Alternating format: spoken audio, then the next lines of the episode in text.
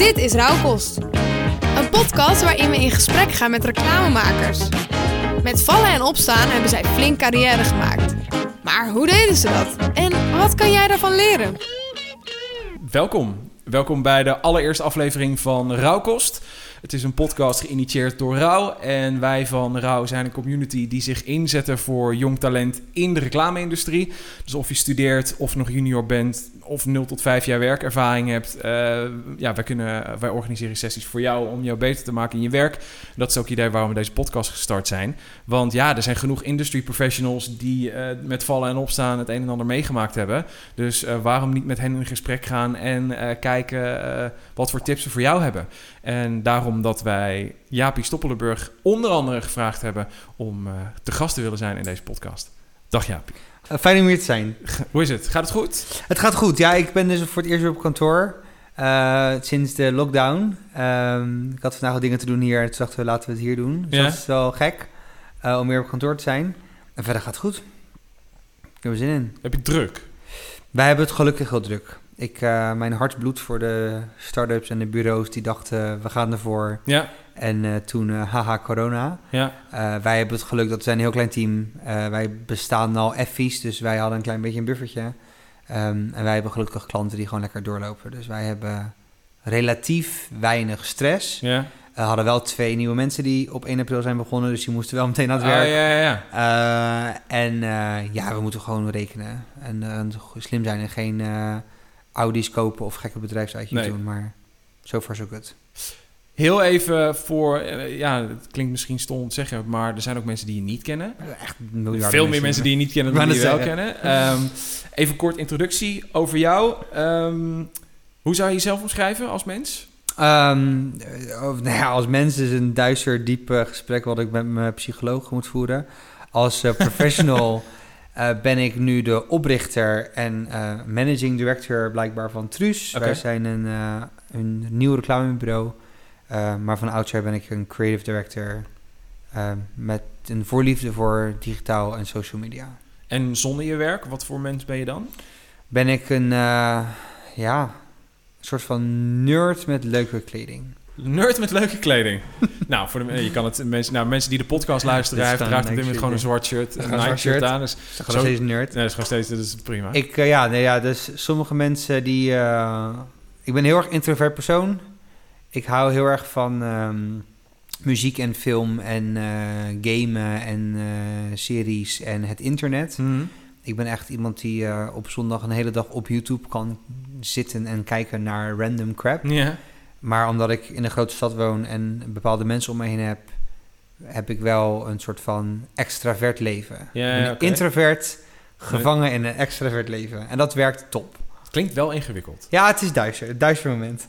Wat is, hoe, hoe bedoel je? Je hebt twee keer duister gezegd. Wat, Hmm. wat is duister? Ja. Nee, niet duister. Ik heb, ehm, ik, volgens mij is mijn leven is heel eh, hoog en heel laag. Dus ik ben door de week ben ik heel actief. Eh, sporten, werken, meetings, eh, dingen doen, ondernemen, gaan. Ja?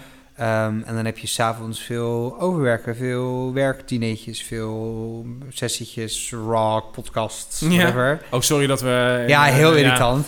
Ehm, en dan in het weekend kan ik echt een soort van hermit binnen en weer opladen, zeg maar. Eh, want de week kost mij heel veel energie. Dus dan Mhm. in het weekend ben ik iemand die eh, het liefst geen mensen, geen verplichtingen, niet naar buiten, niet naar park. Ehm, en dan gewoon absorberen van eh, entertainment of kunst of het internet of ehm, dat soort dingen. En dat is een beetje hoe ik leef. Dus heel hoog en heel laag. Ja? Ehm, en wat lastig is, wat ik merk, is dat de mensen die me niet heel goed kennen, kunnen zich niet voorstellen dat ik echt 300 uur in GTA 5 kan steken. nou, ik ben een van die weinige mensen die dat zich wel kan voorstellen. ja, ja, Ja, ja. Echt. eh, Eh, laten we wel even starten, want ik heb natuurlijk mijn huiswerk gedaan. maar buiten kennen wij elkaar al een Zeker. tijdje. Ehm, je hebt al wel 13 jaar werkervaring.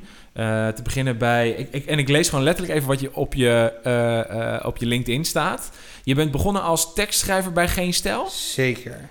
Nou ja, dus ehm, tekstschrijver is een groot woord en geen stijl is een groot woord. Zij hadden een tijdje hadden ze hun nieuwssite. Ehm, en daar was ik redacteur onder andere. En wij deden wel samenwerkingen met Geen Stijl. Maar dat was van de eerste keer dat ik creatieve dingen maakte voor geld, voor iets wat ik tof vond, zeg Ja. maar. Ehm, ik was ontzettend een fan van Geen Stijl en ik wilde echt niks liever dan daarbij horen of zo. Ja. Ehm, het was snoeihard werken eh, en, weet je wel, en heel veel eh, gewoon, nou, ik wil niet zeggen journalistiek, maar het was wel Journalistiek. journalistiek Ja. op een soort van manier. Ehm, ik vond het gewoon cool. Ik denk dat het de eerste keer was dat ik omgeven was door een groep mensen waarvan ik dacht, hey, deze mensen zijn cool. Oké. Want Die, eh, kun je dan je allereerste werkdag nog herinneren? Ja, dus, dat is, dus mijn eerste werkdag, denk ik, mijn echte werkdag op een kantoor met mensen, zeg maar, was TamTam, denk ik. Maar eigenlijk eh Octerion ICT Consultancy in Spijkenisse. Dat, heb je op een blauwe maandag nog gedaan? Of? Ja, eh? een jaar, anderhalf jaar gedaan. Oké. Het was een bijbaantje wat ik deed eh, in eh Spike City. En daar was ik designer. Dat was de eerste keer dat ik eh, Photoshop gebruikte voor werk, zeg maar. Ja, ja. Ehm, en dat was een superleuk bedrijf. Daar heb ik superveel geleerd ook. Mhm. Uh, mijn eerste echte professionele werkdag fulltime was bij TamTam. Ja. Ehm, als designer, als stagiair was ik daar afstudeerder. En daar was ik gewoon Photoshop-rammer. Ehm, ik, wat ik weet van mijn eerste werkdag is dat ik heb daar mezelf geïntroduceerd op die maandagochtend en mensen ontmoet die ik nog steeds ken. Ja.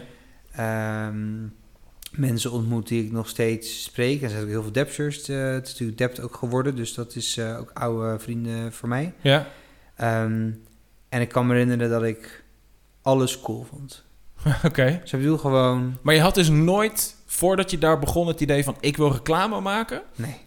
Het was gewoon een geluk bij een ongeluk wat dat betreft. Ik, ik ehm, heb natuurlijk communicatie en multimedia design gestudeerd, dus ik heb wel dit vakgebied gekozen, Mhm. zeg maar. Maar dat is een super, en vooral toen, eh, digitale technische studie, zeg maar. Best wel internet-focused en eh, UI, interaction design focused. Ja.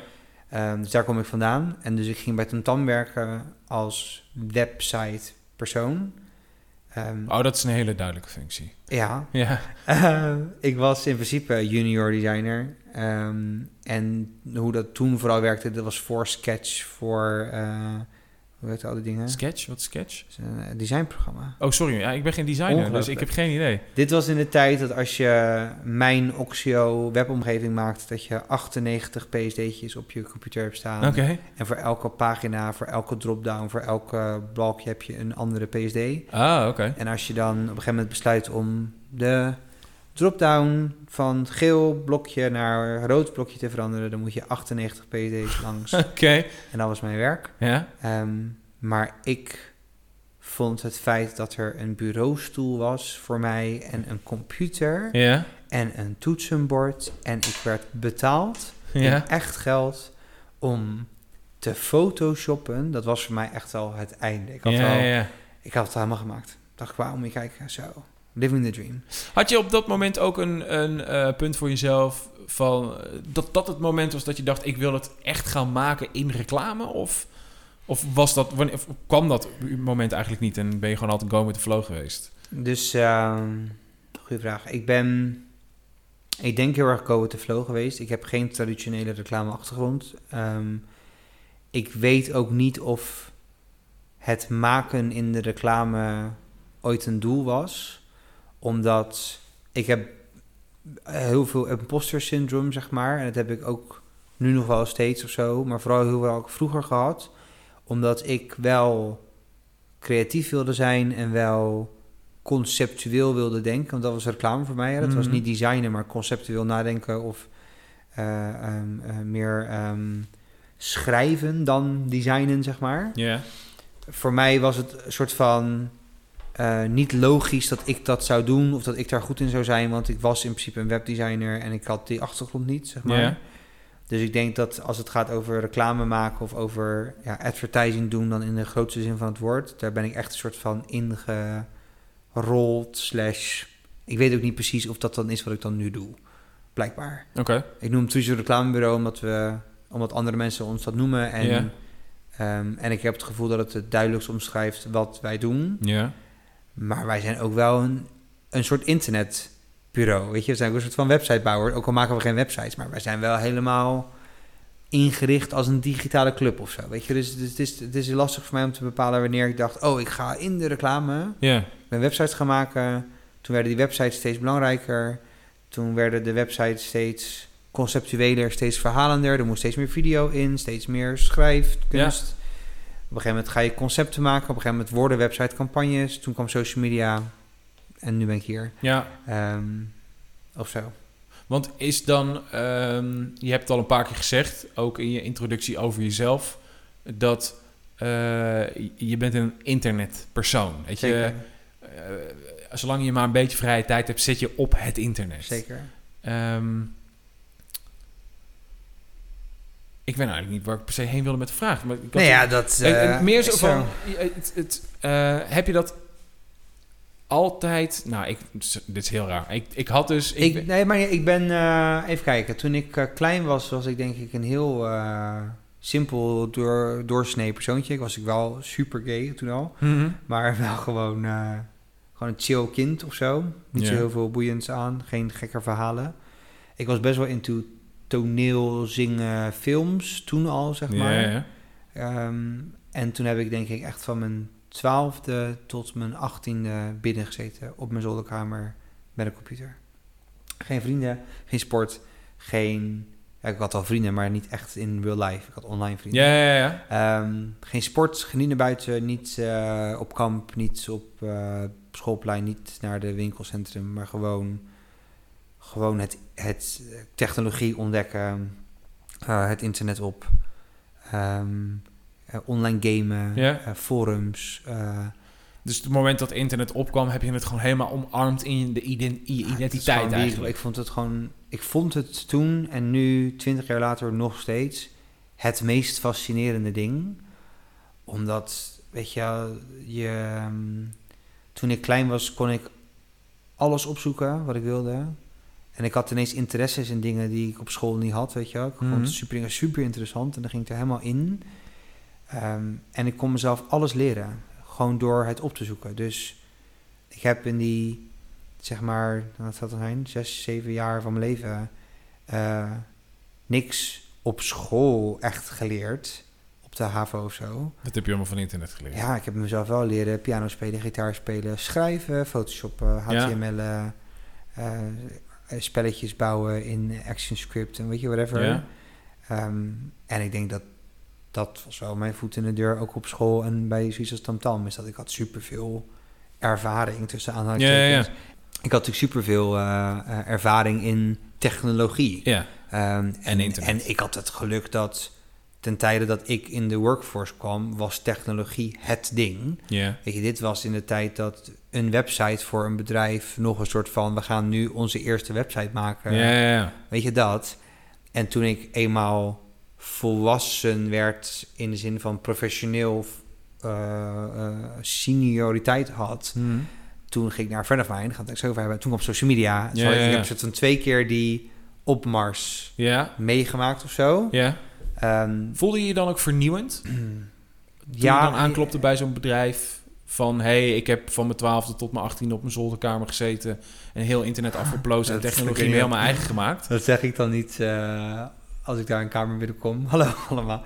Ehm, ik voelde me vernieuwend, maar je voelt je ook gewoon vooral eh, gek. Eh, alsof je... Alsof je ehm, ik, ik heb me nu nog steeds altijd gevoeld alsof...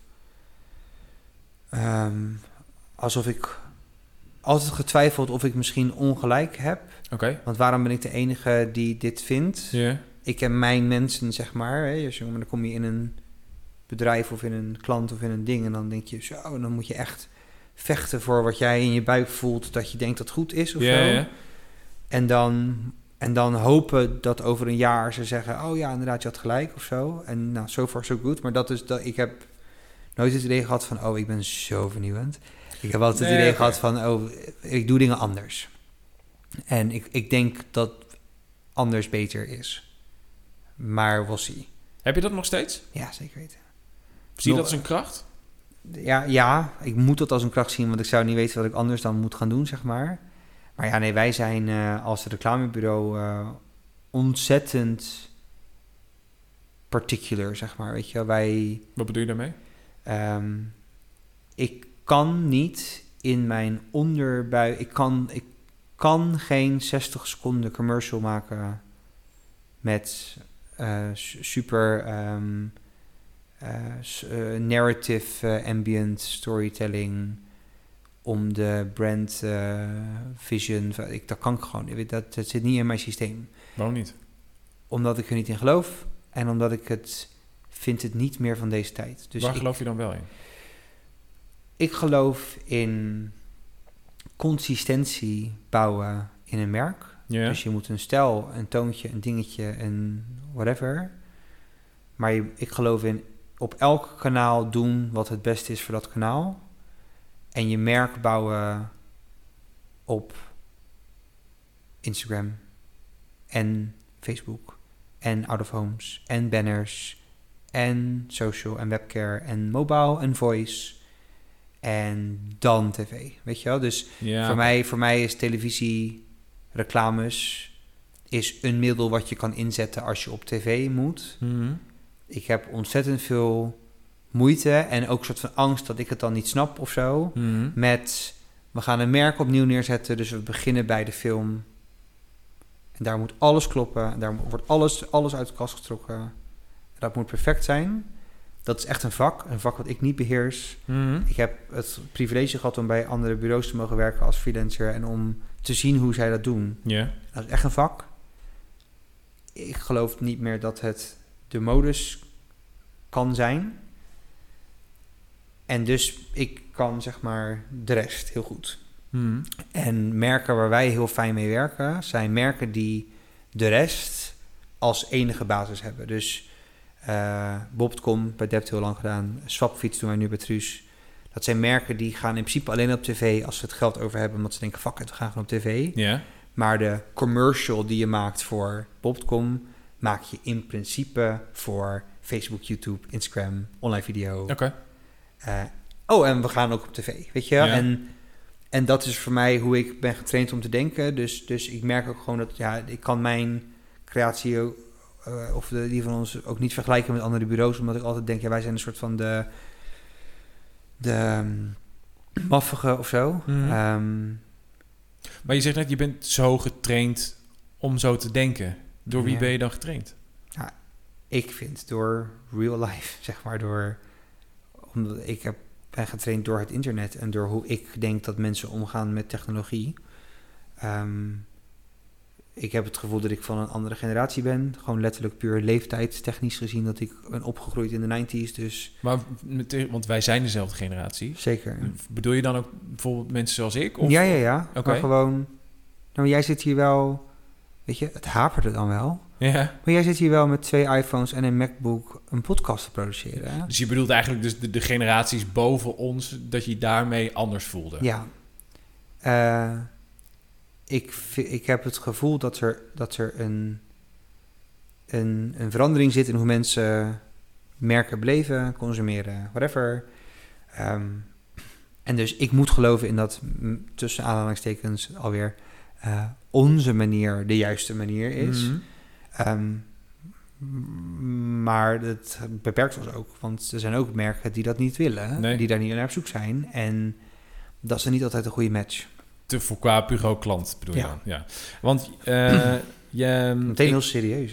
ja, nee, ik probeer even... Kijk, middenin. Ik denk, ehm, ik probeer een beetje dan wat je hebt gedaan te combineren met, Ja. met nu. En je noemt dus millennials. Eh, nogmaals, ik heb mijn huiswerk gedaan. Ik vind het heel trots dat ik mijn huiswerk gedaan heb. Dus daarom ga ik het ook een paar keer noemen. Ik zou, het, ik zou het op zich elke vijf minuten noemen. Ja, ja, ja. ik heb mijn een huiswerk gedaan. score bij. Ehm, jij hebt eh, een boek geschreven. Mhm. You're a Legend and Everybody Else Sucks. Ja, ja, 99% hartstikke goed. Eh, zat, ik, zat er een foutje in? Uh, you're a legend, everyone else sucks. Oh, sorry. Toch? Nou, ik heb, ik heb het... Ja, al je fans knikken, ja. Ehm, ik, heb, ik heb dat boek heb ik niet gelezen voor deze podcast, want ik heb hem denk ik twee jaar geleden al gelezen. Ehm, maar ik heb wel jouw talks gekeken over het boek. Bijvoorbeeld op een South by Southwest en een andere summit. Op YouTube staan er twee video's waar je dan een hoofdstuk voorleest eh aan het publiek. dat is wat deed denk ik. zo. En, ehm, en, maar eh, één, ik ben heel erg benieuwd waarom je het boek hebt geschreven. ja. Nou, laten we daarmee beginnen. Waarom heb je het boek geschreven? Nee, dus ehm, omdat eh, hetzelfde wat er. Oké, dus hoe ga ik het uitleggen? Ik geloof heel erg in mezelf. Heb ik echt moeten leren ook. En ik geloof wat je zegt over onze generatie en over de manier waarop wij naar dingen kijken, de manier waarop we vernuft hebben met technologie. Daar zit heel veel magic in. Mhm. Maar dat betekent niet dat onze generatie alles beter kan of beter weet. Want Mhm. wat wij niet heel goed hebben in ons bloed, vind ik, is werkethiek, is het probleem bij jezelf zoeken, is hoofd omlaag, buffelen, your time will come, zeg maar. Ja. Ehm, toen ik bij TamTam ging werken was ik 19, eh, Hoe oud ben je nu? 32. Ja. Ehm, ik was wat oud, ik dat zeggen? Eh, ik was eh, 19, ik ging daar werken en ik was daar al heel snel een soort van jong en promising Jaapie Soppelenburg of zo, weet je wel. Want ja, ik vond dingen leuk en ik werkte hard. Omdat je, en omdat je ook uniek was met je mindset of I zo? guess, en gewoon, weet ik veel, gewoon eh, de creatieve dude in een best wel technisch bureau, weet je. Ja, ja. Alleen ik was, ik was echt niet klaar voor real life, weet je, voor, ehm, voor de stappen die je moet zetten, voor de kronkels die je moet maken, voor de eh, dingen die er moeten gebeuren om jouw idee wat je in je hoofd hebt naar een eindstation te brengen. Ja. Ehm, ik, ik heb laatst eh, had ik een talk, toen heb ik een slide gemaakt en daar ben ik heel blij mee. En die gebruik ik nog best wel vaak. Alleen het is een beetje lastig uitleggen. Zonder Eh, visueel. zonder visueel. ja, ja. Probeer het maar. Oké, je hebt zeg maar een, eh, een, een rondje leeg, zo'n kinderspeelgoed, zo'n leeg rondje. En je hebt een rondje wat erin past. Ja. En je moet het rondje moet je in dat cirkeltje krijgen. Ehm, en dat is voor baby's heel moeilijk. En voor millennials, als het goed is, heel makkelijk. Want je bent slim en je hebt nagedacht en je weet hoe dingen werken. En jij denkt, hé, hey, dat rondje past in dat dingetje. Hoe ik heb ervaren dat het leven werkt... en vooral hoe deze markt en deze business werkt... is dat dat rondje moet je in dat gaatje krijgen... Maar het moet ook een soort van doolhof door. Maar daar is alles kut, weet je. Want het past niet en je weet het niet en je moet nadenken. En er zijn heel veel problemen op je pad... van dat ene dingetje naar dit andere gaatje, zeg maar. ja. En dat doolhof, dat slaan wij heel vaak over. Dus wij zien... Maar overslaan als in voor de bigger picture of gewoon in onze... Nee, gewoon in jezelf. Oké. Dus ik heb het gevoel dat... Dus ik merkte aan mezelf, laat ik even niet... Maar ik merkte bij mezelf heel erg dat ik dacht... Het is zo obvious voor mij dat het antwoord groen is. Ja. En dan zeg ik tegen jou, het is, eh, ik heb over nagedacht, het is groen. En dan zegt die klant, "Hm, ja, ik wil eigenlijk blauw. En dan was ik zo boos, omdat ik dacht, ja, maar ik, ik snap niet, wat zeg je? Ik heb toch heel duidelijk uitgelegd dat het groen moet zijn. Ja. Ik heb mijn werk gedaan, ik heb erover nagedacht. Ik ben hartstikke slim, ik heb gestudeerd, ik kom uit het internet. Ja. Ik heb er, het is groen en luister dan naar mij. En wat ik niet snapte, wat ik niet kon, wat ik niet wist of zo, is dat het punt is niet dat je weet dat het groen is. Het werk zit hem erin dat ik moet weten wat jij wil. En als ik weet dat jij blauw wil, moet ik eigenlijk eerst een presentatie houden over hoe kut blauw is. Ja. Dan moet ik nog een keertje de moeite steken om een presentatie te houden over kleur en wat betekent kleur eigenlijk. Ja, ja, ja. Dan gaan we drie varianten maken waaronder groen er eentje van is. En dan hopen we dat je groen kiest. En dat is het werk, zeg maar. En dat, is, dat is het doel. Weet je, dat is gewoon de, de weg naar een eindproduct. Ja. Als je kijkt naar een Pixar-film, wat mij betreft de beste films misschien wel ever gemaakt qua kwaliteit die daarin zit. Of je kijkt naar een DreamWorks Kung Fu Panda 6, Rise of the Kung, whatever, weet je, een soort van trashy animatiefilm. Die scripts zijn waarschijnlijk even goed. Die mensen die daaraan werken zijn waarschijnlijk even getalenteerd. Maar mensen, bedrijven zoals Pixar hebben dat doolhof goed uitgevogeld. Ja. En bedrijven zoals, wat ik veel noemen, Trashy Animatiestudio, die hebben dat niet. En daarom is die Nee, film zo kut, weet je wel. En, en eh, ik liep daar heel erg tegenaan. Ik was continu zo boos en zo defensief en depressief. En heel dit bedrijf en al onze klanten zijn kut. En niemand snapt het. En Nou, tot op het punt zeg je ook in een van die talks dat je je jezelf wil lieten laten ontslaan. Zeg maar. letterlijk. Want ik, had een, eh, ik heb een, eh, als een van mijn betere keuzes in mijn leven... in 2008 een huis gekocht, vlak voordat de crisis eh, begon. Vijf minuten daarvoor had ik zo met mijn 21 jaar, met mijn 21 jaar een hypotheek getekend. Ehm, en dus ik kon niet zomaar weggaan bij TamTam. Want ja, dan kon ik die hypotheek, moest dan betalen. Dus had ik helemaal uitgezocht. Ik dacht, oké, als ik nou mezelf laat ontslaan... zij tekenen een vaststellingsovereenkomst... dan kan ik de NHG aanspreken. En dan kan ik... Ik had helemaal voorbereid. Ja. ik dacht, dit... dat, ik, ik, ik kon me niet voorstellen dat ik gevangen was in een plek... waar iedereen zo dom was... en niet naar mij luisterde. Ja. En toen dacht ik op een gegeven moment, maar wat nou? Wat nou als ik het probleem ben? Wat als ik iets fouts doe? En toen heb ik een heel proces doorgemaakt. Kan ik jaren over vertellen. Maar gewoon heel erg het probleem bij mezelf gezocht. Mezelf getraind, mezelf geleerd. En dat wat ik zei over groen en blauw, weet je wel. Mhm. Dat werk gedaan, al die presentaties gedaan. En gewoon gekeken naar hoe ik mezelf presenteer. En hoe ik mijn ideeën dan overbreng. En hoe ik dat spel speel. Ja. En toen ging alles ineens zoveel beter. En alles ging ineens zoveel makkelijker. En ik kreeg zoveel meer gedaan. Ja. We hebben toen bij Tamtam een paar hele grote pitches gewonnen. Ja. Ehm, Doordat jij je shit together kreeg. had. niet omdat ik mijn shit together had, maar ik had er wel een goede bijdrage aan. En, maar het was ook gewoon de mindset die we met z'n allen hadden. Waarin we hè, daar echt onszelf openstelden voor...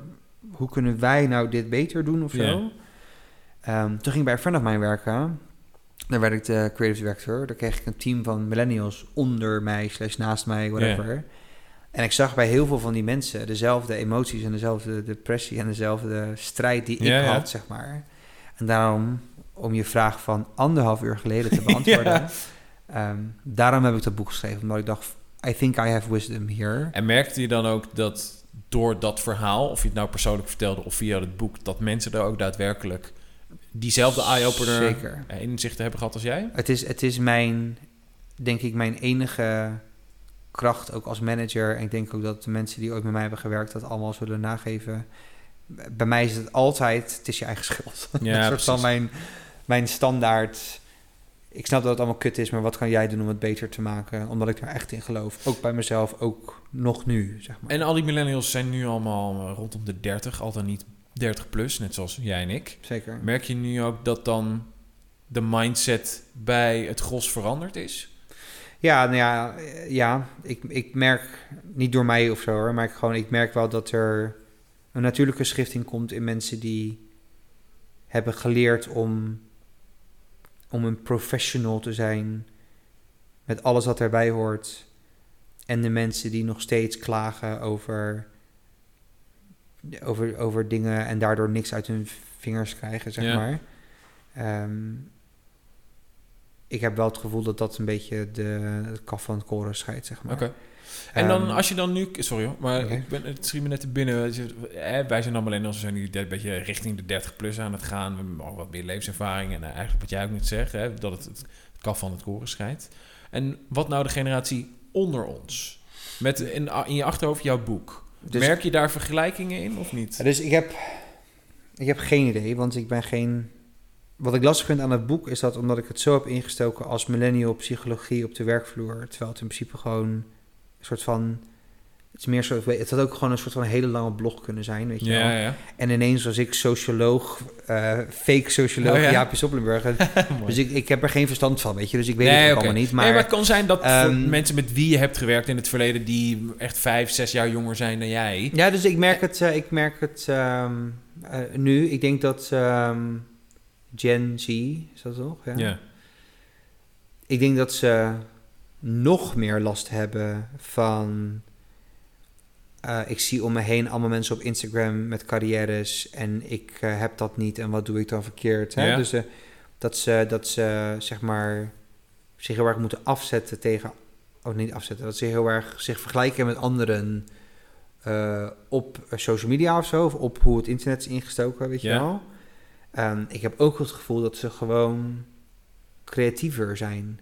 Oké. Is- dus dat ze veel, dat ze opgegroeid zijn in een, in een modernere, eh, openere wereld. Ja, En dus dat ze veel vaker denken, ja, maar hoe kan het ook anders? En hoe Ja, kan, precies. het, eh, kan ik het misschien anders zo doen? En, Ja.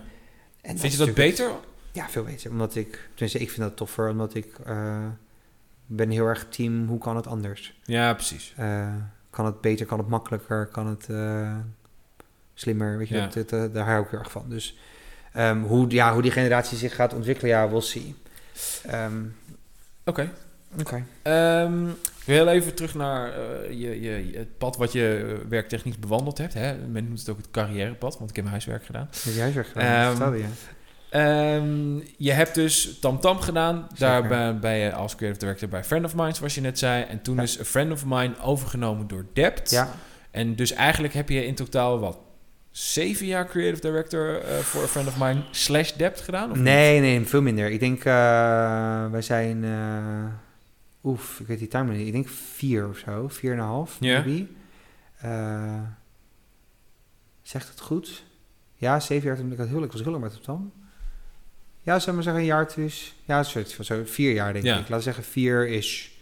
Eh, en dat was dan zeg maar de helft van en de helft Dept. Wij waren, de een, wij waren een van de founding eh, agencies van Dept. Ja, Dus wij waren er al heel vroeg bij, maar wij bleven heel lang een friend of mine, eh, gewoon op Ja, ons eigen ja. kantoor, op ons eigen ding. ja. De ehm, samensmelting van Dept als familie werd pas heel laat in gang gezet bij iedereen. Dus het is een beetje, ja, het is, wij waren al best wel snel onderdeel van Dept totdat we Dept waren. ja. Als het gaat over eh, Executive Creative Director Dept International Industries, Ja. was echt maar niet eens een jaar, zeg maar. Maar, eh, en dit bleem ik niet op mijn huiswerk, maar gewoon omdat ik het echt niet weet en gewoon benieuwd ben. Maar was A Friend of Mine een van de eerste social bureaus van Nederland? Ja, ja, ja, ik kan dat wel zeggen omdat ik het niet gestart heb. Ehm, ik denk zeker een van de eerste Facebook, specifieke Facebook kennis, expertise en media inkoopbureaus. Ja. Ehm, toen ik daar kwam was dat ook denk ik wel onze core business. Ik hoop niet dat Marcel dit hoort en dat het Hmm. oneens is. Eh, dat was onze core business was eh, eh, advertising, dus media advies en daar binnen Ja, ja. creatieve oplossingen bedenken, zeg maar. Toen ik daar kwam, kwam ik daar ook wel specifiek om een creatief team te bouwen. Ja. Eh, samen met Marcel en de mensen die er al zaten. En ehm, kijken of daar iets uit te halen viel. Ja. Eh, het was ook heel makkelijk om te zeggen dat ik de creative director was, want ik was in principe de enige. Ja, oké. Ehm, Maar wat, eh, hoe was dat dan om die overstap te maken? Een beetje met het oog voor mensen die creative director zouden willen worden. Dus ehm, het was eng, omdat ik een wereld instapte die ik eigenlijk niet zo heel goed kende. Ja. Ehm, ik moest ontzettend wennen aan management, Ja. aan eh, verantwoordelijk zijn voor eh, een team, zeg maar. En dus ook naar niemand meer kunnen kijken met wat moet ik doen of deze klant doet lastig. Iemand zou ze echt moeten bellen. Of op een gegeven moment dacht ik, fuck, fijn ben ik dat, weet je wel. Het hielp ook niet. En toen wil ik heel even on the record zeggen dat ik werkte daar een week en toen gingen de andere twee managers drie weken op vakantie. Ah, dus toen oké, was dan meteen duisternis en eh, wennen. Ja. Ehm, het was ook te gek, want ik had de luxe van een salaris en een contract. Dus ik hoefde niet from scratch te beginnen, zoals nu met Truus. Ja, ja. Ik hoefde me geen zorgen te maken over mijn huur. Ik kon in principe gewoon mijn salaris genieten. En als het kapot ging, dan kreeg ik een uitkering. Dus Ja. die onmiddellijke ondernemersdruk, die was er niet. En dat is echt, dat hebben zij mij echt gegeven, zeg maar, Ja. die boys. Ehm, dus binnen die veiligheid was het natuurlijk heerlijk om gewoon te kijken wat er komt en te kijken wat er kan. Ja.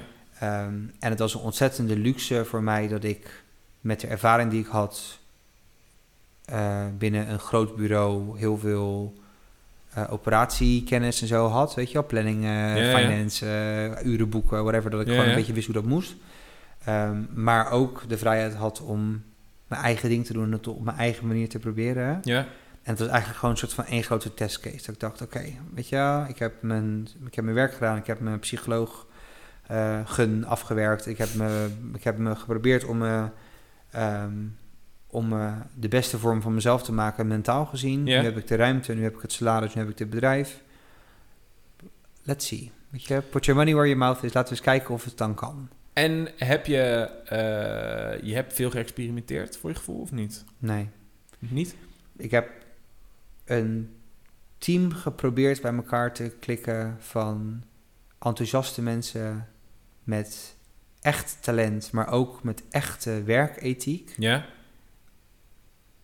Alle mensen die, ja, zeg maar de eerste tien mensen die bij of mine werkten, zal ik voor altijd zien als titans, zeg maar. Ja.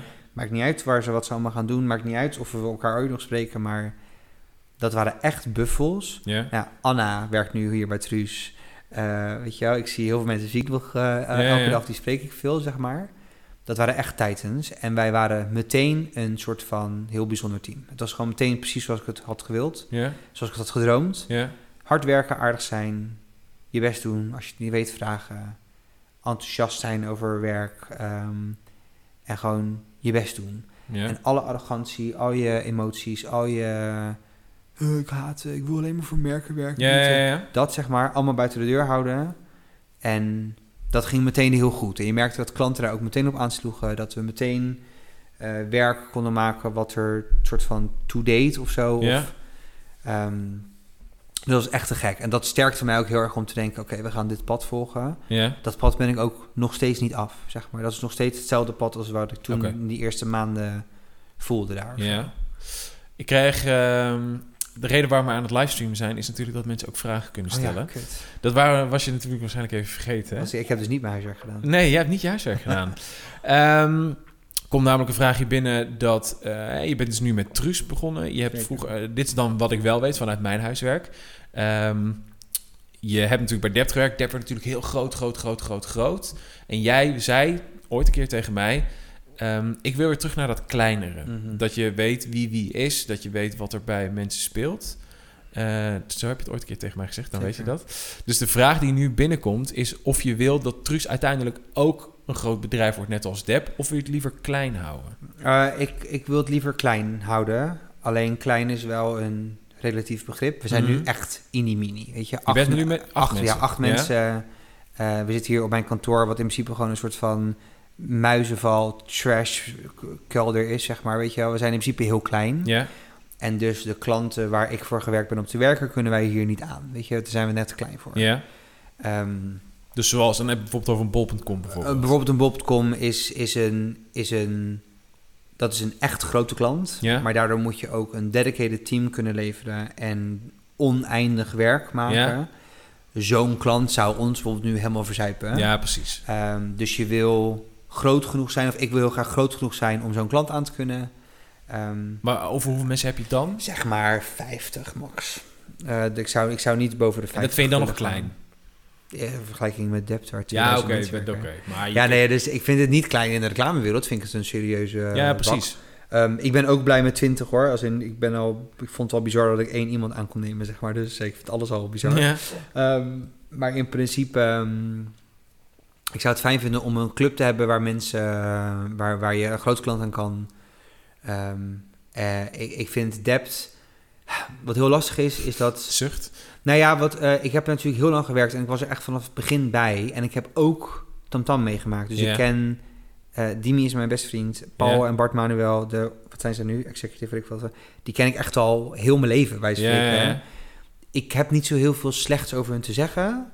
Omdat... Nee, maar dus, dus ik, ik, ik vind het ook lastig om mijn mening te hebben. Zij spelen een andere sport dan ik. Ja, oké. Weet je, zij doen eh, tennis en ik doe eh, hockey. Ja. Nou, zeker geen hockey, maar, Nee, maar- eh, metaforisch gezien. Ik wil lekker op mijn eigen manier mijn eigen sport spelen. Ja. En dat heeft niks te maken met 2000 mensen of verschillende landen. Of, en daarom ben ik daar ook weggegaan, omdat er is daar een taak voor een executive creative director. En die... dat was jij niet. Maar dat kan ik ook helemaal niet. Nee, dan- Daar is ik helemaal niet de goede persoon voor. Nee. Ehm, ik heb niet het gevoel dat dat mijn natuurlijke talent is om op zo'n grote schaal zoveel impact te maken op de markt. Ehm, een van de dingen die jij hebt gedaan binnen Dept als creative director is eigenlijk eh bol.com Zeker. van et cetera. Nou, wegtrekken wil ik het bijna noemen. En ehm, Ze hebben gewoon een pitch uitgeschreven, heel netjes. wat zei je? Ze hebben gewoon een pitch uitgeschreven, heel netjes. Nee, oké, maar ik, ik heb het idee dat, dat jij een redelijke vinger in de pap had bij die transitie. Mijn, mijn trotste moment als professional. Denk ik. Hoe is dat gegaan? Wij waren... Ik kan er niet al te veel over vertellen hoor, want het is natuurlijk ook gewoon... eh, hoe zeg je dat? NDA. Eh, wij werkten veel met Bol op social media gebied. Ja? Ehm, daar merkte je een klik. We hadden een ontzettende klik met dat team. Ja. Eh, en met wij bedoel ik niet ik per se, maar gewoon team Depth, friend of mine. eh, ver- met, met de mensen die er werken. Ja. En En Bob.com is nu echt zo'n klant waar je met een, denk ik, een digitaal reclamebureau moet werken. En dat is Dept. Ja. Weet je, dus wij, wij waren zo'n shoe in, zeg maar. Ik kan anders uitleggen. Dus wij hadden, ik denk dat we de creatie hadden. Ik, ik was heel trots op, mijn, op het werk dat we daar presenteerden in die, in die pitchrondes en zo. Ja. Je hebt die eh, Sinterklaas eh, commercial waarin die straattaal spreekt. Oh, ja, ja, ja. Eh, die is vanuit de alle, allereerste kitchen review stond hij er al. En die is ook, die hebben we ook bij wijze nooit meer veranderd. Ja. We waren heel trots op de, ehm, op de dingen die we gemaakt hebben. Ik denk nog belangrijker is dat wij tvc's presenteerden die gemaakt waren voor Instagram stories. 15 seconden, vertical nagedacht, eh, Facebook, weet je wel. eh, makkelijk te begrijpen, makkelijk shareable, eh één take. We hadden echt goed nagedacht over hoe kun je nou creatie draaien op een super moderne manier. Ja. Ja, en wij konden natuurlijk met Bob.com meepraten over e-commerce en over voice en Ja, over de website en over de homepage en over de doorvertaling en over de retargeting. En, ja, en voor zo'n merk als dat is dat, hoop ik dat ze dat nog steeds voelen. En volgens mij zijn ze super goed bij Dept en gaat het allemaal fantastisch daar. Ja. Ehm, dat is wat je wil. Dat is de magic combination waarin de klant perfect matcht bij het bureau. Ja. Ehm, ik weet nog wel dat wij daar presenteerden en dat we daar wegliepen. En ik weet niet waarom, maar dat we gewoon dachten, ja, we gaan het gewoon winnen. Dat voelde gewoon. Ja, maar Dat soms heb je dat heb moment. ik gewoon nooit, ja. ja. ik, heb, het- ik had het nog nooit gehad. Ik heb het ook sindsdien eigenlijk niet meer zo heel veel gehad. Maar ik, ik weet nog wel dat wij gewoon dachten, ja, dit, dit voelt gewoon goed. Ehm, dus eh, dus Maar dat- is het echt je hoogtepunt van je carrière tot dusver? het, is, het is de grootste... Ja, ik denk het wel. Ik denk dat het de grootste... Ook, ja, de, mijn eigen bureau starten was best wel een dingetje. Ja, oké. Eh, maar Dat was goed, meer een dat- persoonlijke ding. Ja, en eh, professioneel gezien denk ik dat als je kijkt naar de... Voor mij persoonlijk... eh, een internetbureau, een social media bureau en een eh, digital marketing bureau besluiten om een groepje te vormen. En we, we noemen onszelf Dept of whatever. En we hebben de droom om voor grotere klanten reclame te maken. En binnen no time winnen we bol.fucking.com. Ja. Het was ook, je merkte ook dat zoveel mensen ineens dachten: wat de fuck is er aan de hand Ja, ja? Wat gebe- wie zijn Wat deze gebeurt mensen? daar? Ja, ja, ja. En wat gebeurt de fuck hier? En dat was echt gek, weet je wel. En ik denk, ik heb, ik heb niet het gevoel dat ik daar in mijn eentje heb, heb bijgedragen... of dat dat soort van het ding was dat Dept op de kaart heeft gezet. Maar het was in mijn hoek wel het ding waarvan ik dacht... dat heeft echt een... dat is gewoon een soort van eh, startschot om te zeggen... jongens, we gaan ervoor. ja. Ehm, als je gewoon kijkt naar het talent wat binnenkwam bij Dept, nadat dat gebeurde. Als je kijkt naar het werk wat er uitging bij Dept. Naar, ja, het was echt een momentje. En ehm, ik, zie dat, ik zal er altijd heel trots op zijn. En bijna zonder dat ik toen persoonlijk dacht van nou, goed zo. Super doei. ja. Wat is dan... ehm, je, eh, het is altijd vervelend om te vragen misschien, maar als dat je hoogtepunt is geweest... wat is een punt in je carrière geweest waarvan je denkt... als ik dit kan deleten met een tijdmachine, dan heel graag.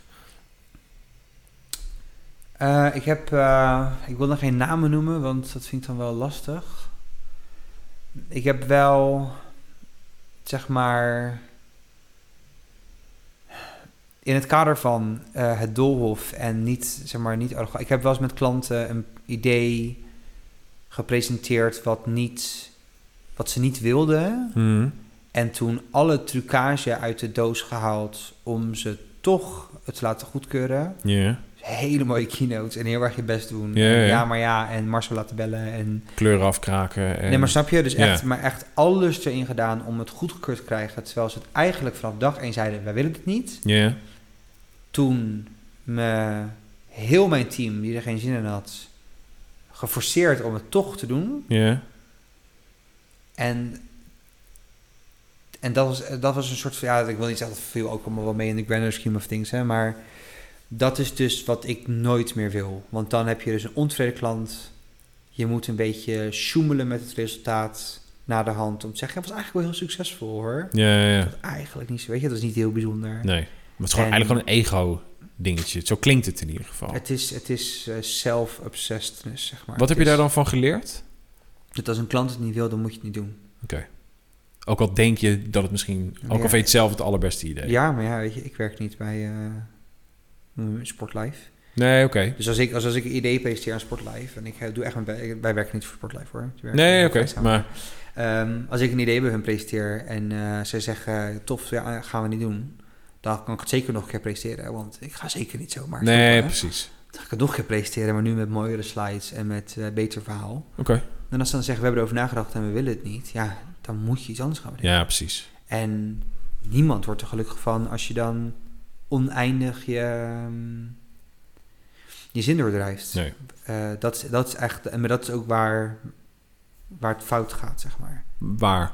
Bij je zin doordrijven. Ja, precies. Want eh, dat staat ook in mijn boek, maar dat is ook iets wat ik echt geleerd heb bij. Koop het boek van Jaapie. Zeker. Het is echt, echt een het aanrader. is niet meer te kopen, het is uitverkocht op Oh. omdat ze allemaal hier liggen. Kom we halen bij Truus. Ja, het, ja, haal maar bij Truus. Stuur maar een mailtje. Ik heb er nog een paar. Ehm, is dat... ehm, dat... eh, eh, weet je, ik ben een soort van doordrongen door mijn simpele opvoeding of whatever. Dat... Ja, weet je, KFC betaalt ons gewoon een hele dag aan werk Ja. voor weet ik veel hoeveel honderden duizenden euro's per dag, per maand, per week. Ze geven ons zo pokken veel geld Ja. om een probleem op te lossen voor hun waar zij tegenaan lopen. Ja. Maar zij zijn een klant. En dus ze vragen onze mening en dan kunnen wij zeggen, nou, we hebben erover nagedacht, wij denken dat je dit moet doen.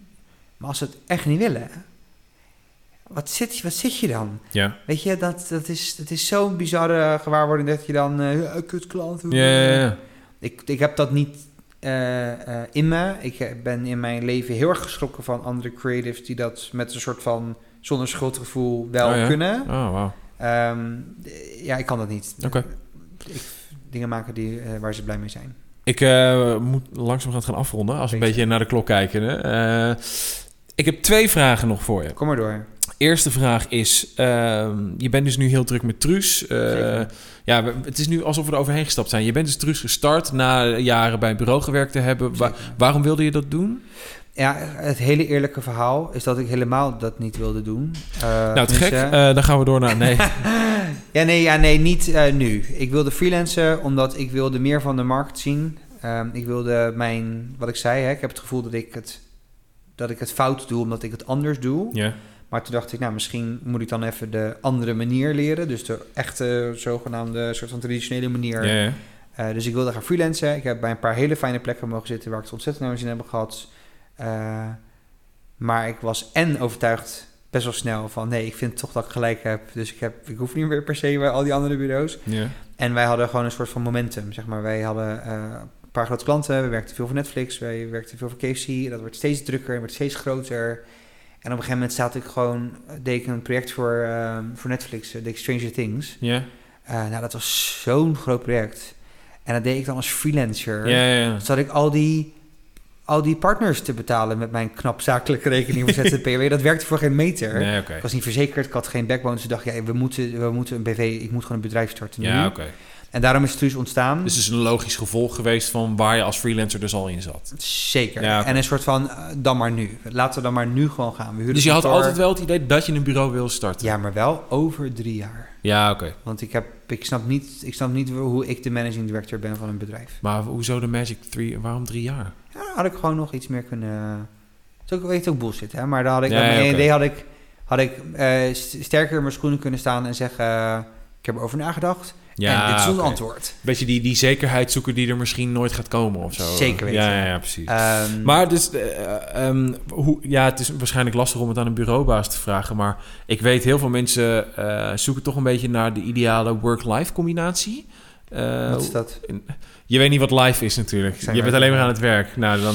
Nee, maar ja, eigenlijk wilde ik vragen, hoe doe jij dat? Maar ik merk uit je antwoord al dat je werk Nee, in je principe, leven In is. principe is het heel simpel. Eh, mijn work-life combinatie is volgens mij... Ik denk dat veel eh, psychologen zouden zeggen dat het ongezond is. Ik vind het wel meevallen. Door de week is werk, in het weekend is live. Ik Ja, werk bijna nooit in het weekend. Eh, En s'avonds door de week? ja, maar altijd. Maar, maar, dan, maar dan is ook weer de vraag, wat is je werk, weet je wel? Is Ja, oké. mailtjes beantwoorden op je telefoon terwijl je op Netflix zit, dat, is dat werk of is dat Netflix? Nee, oké. Ehm, door de week is werk, weekend is, eh, is het, eh, live. Ik eh, vind het ook belangrijk dat je vrije tijd hebt. ja. Het is ongezond om altijd te werken. Het wordt er ook niet beter van. Ja. Ehm, ik ben heel erg doordrongen van het feit dat als ik mijn werk niet in 40 uur kan, dan ben ik slecht in plannen. Ja. Weet je, in principe hoort het kunnen in 40 uur en anders moet ik het beter managen met andere mensen. Ja. Ehm, tegelijkertijd denk ik ook dat wij zijn een super flexibel, groovy, new wave bedrijf. Dus wij hebben eh, ongelimiteerde vakantiedagen. Wij Ja, hebben, weet je, dus Mag je je eigen mensen- salaris bepalen ook als medewerker van Truus of niet? Nou, dat, eh, nee, maar dat zou wel kunnen. Dat zou Ja, daar oké. hartstikke voor openstaan. Ehm, en dus het is ook een beetje, weet je, als ik morgen geen zin zou hebben, zou ik niet komen. En dan ga Nee, ik zaterdag, whatever. Nee, oké. Ehm, wij hebben wel eh, het geluk dat wij werken met heel veel jonge mensen eh, die verder ook geen verplichtingen hebben. Weet Oké. je? Dus dan is het wat makkelijker. Laatste vraag. Ja hoor. Ehm, Ik boer er gewoon hè, op de podcast. Ja, dat maar dat, dat kunnen we eruit knippen. Dat is Ja, het voordeel van... ja, ja, je bent nu live op Facebook, dat wel. Maar we kunnen het er ook even uitknippen. Maar ehm, wat is eigenlijk in die 32 jaar dat je nu op deze aardbol rondloopt... wat is eigenlijk het meest waardevolle advies... die je tot op de dag van vandaag nog steeds meeneemt... en eigenlijk ook aan ieder ander zou willen meegeven? En dat hoeft eigenlijk niet eens werkgerelateerd te zijn. Oh god. Nou ja, dus... Het hangt een beetje samen met, ehm, met mijn filosofie over... zeg maar leren omgaan met professioneel zijn... versus alleen maar je mening spuien, zeg maar. Paul Manuel, toen ik bij Tam Tam werkte... die heeft een keer tegen mij gezegd... je bent echt 23 of zo. Ik ben 40, 17 jaar ouder dan jij. Weet ik veel of dat 17 jaar was. Mhm. Hij zei, en ook ik moet echt nog t- 25 jaar. Ja. Zei, jij moet nog zo lang. Waarom ben je nu al boos over dat je geen senior bent of zo? Weet je, waarom Ja. ben je nu al... En ik weet nog dat ik toen echt dacht... Oude vent, hou je bek, je snapt er helemaal niks van. ja. Which was exactly his point. Ja, ja. Maar, ehm, ik wil niet zeggen content zijn met waar je nu bent, want dat vind ik hippie en yoga en dat haat ik. ja. Maar wat ben je nu aan het doen en hoe kan je dat nu beter doen, is echt alles wat je nodig hebt. Oké. Niet nadenken over morgen, niet nadenken over volgend jaar, maar gewoon, oké, je bent nu met een klant bezig. Die klant heeft nu kut feedback in een irritant pokmailtje. Hoe, die- hoe ga je er nu mee om? En wat kan je nu doen? En, en de rest allemaal laten. En dat, dat, dat probeer ik heel erg in stand te houden. Oké. Thanks voor je tijd. Jij bedankt. En eh, voor je openhartige inzichten ben ik oprecht eh, blij mee. Nou, ik hoop het voor je. Ik hoop het dat... Nou, voor mij niet. Dus ik denk dat het is voor... De, niet- niet alleen voor mij, laat ik het zo zeggen. Ik hoop dat er genoeg mensen zijn die, die er wat aan hebben, eh, net zoals ik. Ehm, ja, dus bedankt. Jij bedankt. Eh, jij ook bedankt voor het luisteren. Ehm, heb je feedback op de podcast? Eh, weet je, schroom niet door naar onze Facebook of naar onze Instagram pagina te gaan om daar je feedback achter te laten. Eh, mag ook naar Jaapie, maar doe vooral meer op de podcast. Wat kan er beter? Heb je vragen? Ga naar Rauw op Instagram of op Facebook of Raw Advertisers op Instagram. En dan zijn we heel benieuwd wat je ervan vindt. Abonneer je op deze podcast, dan ben je altijd op de hoogte van de laatste aflevering. Iedere twee weken zijn we er weer. En dan zitten we hier met Patricia Patlassing. En ik hoop dat ik het goed uitspreek. Oeh, grappig. Managing Director van TBWA. Hartstikke bedankt voor het luisteren. En eh, ja, tot over twee weken. hey, eh, hoezo heb jij meegedaan aan de The Voice of Holland trouwens?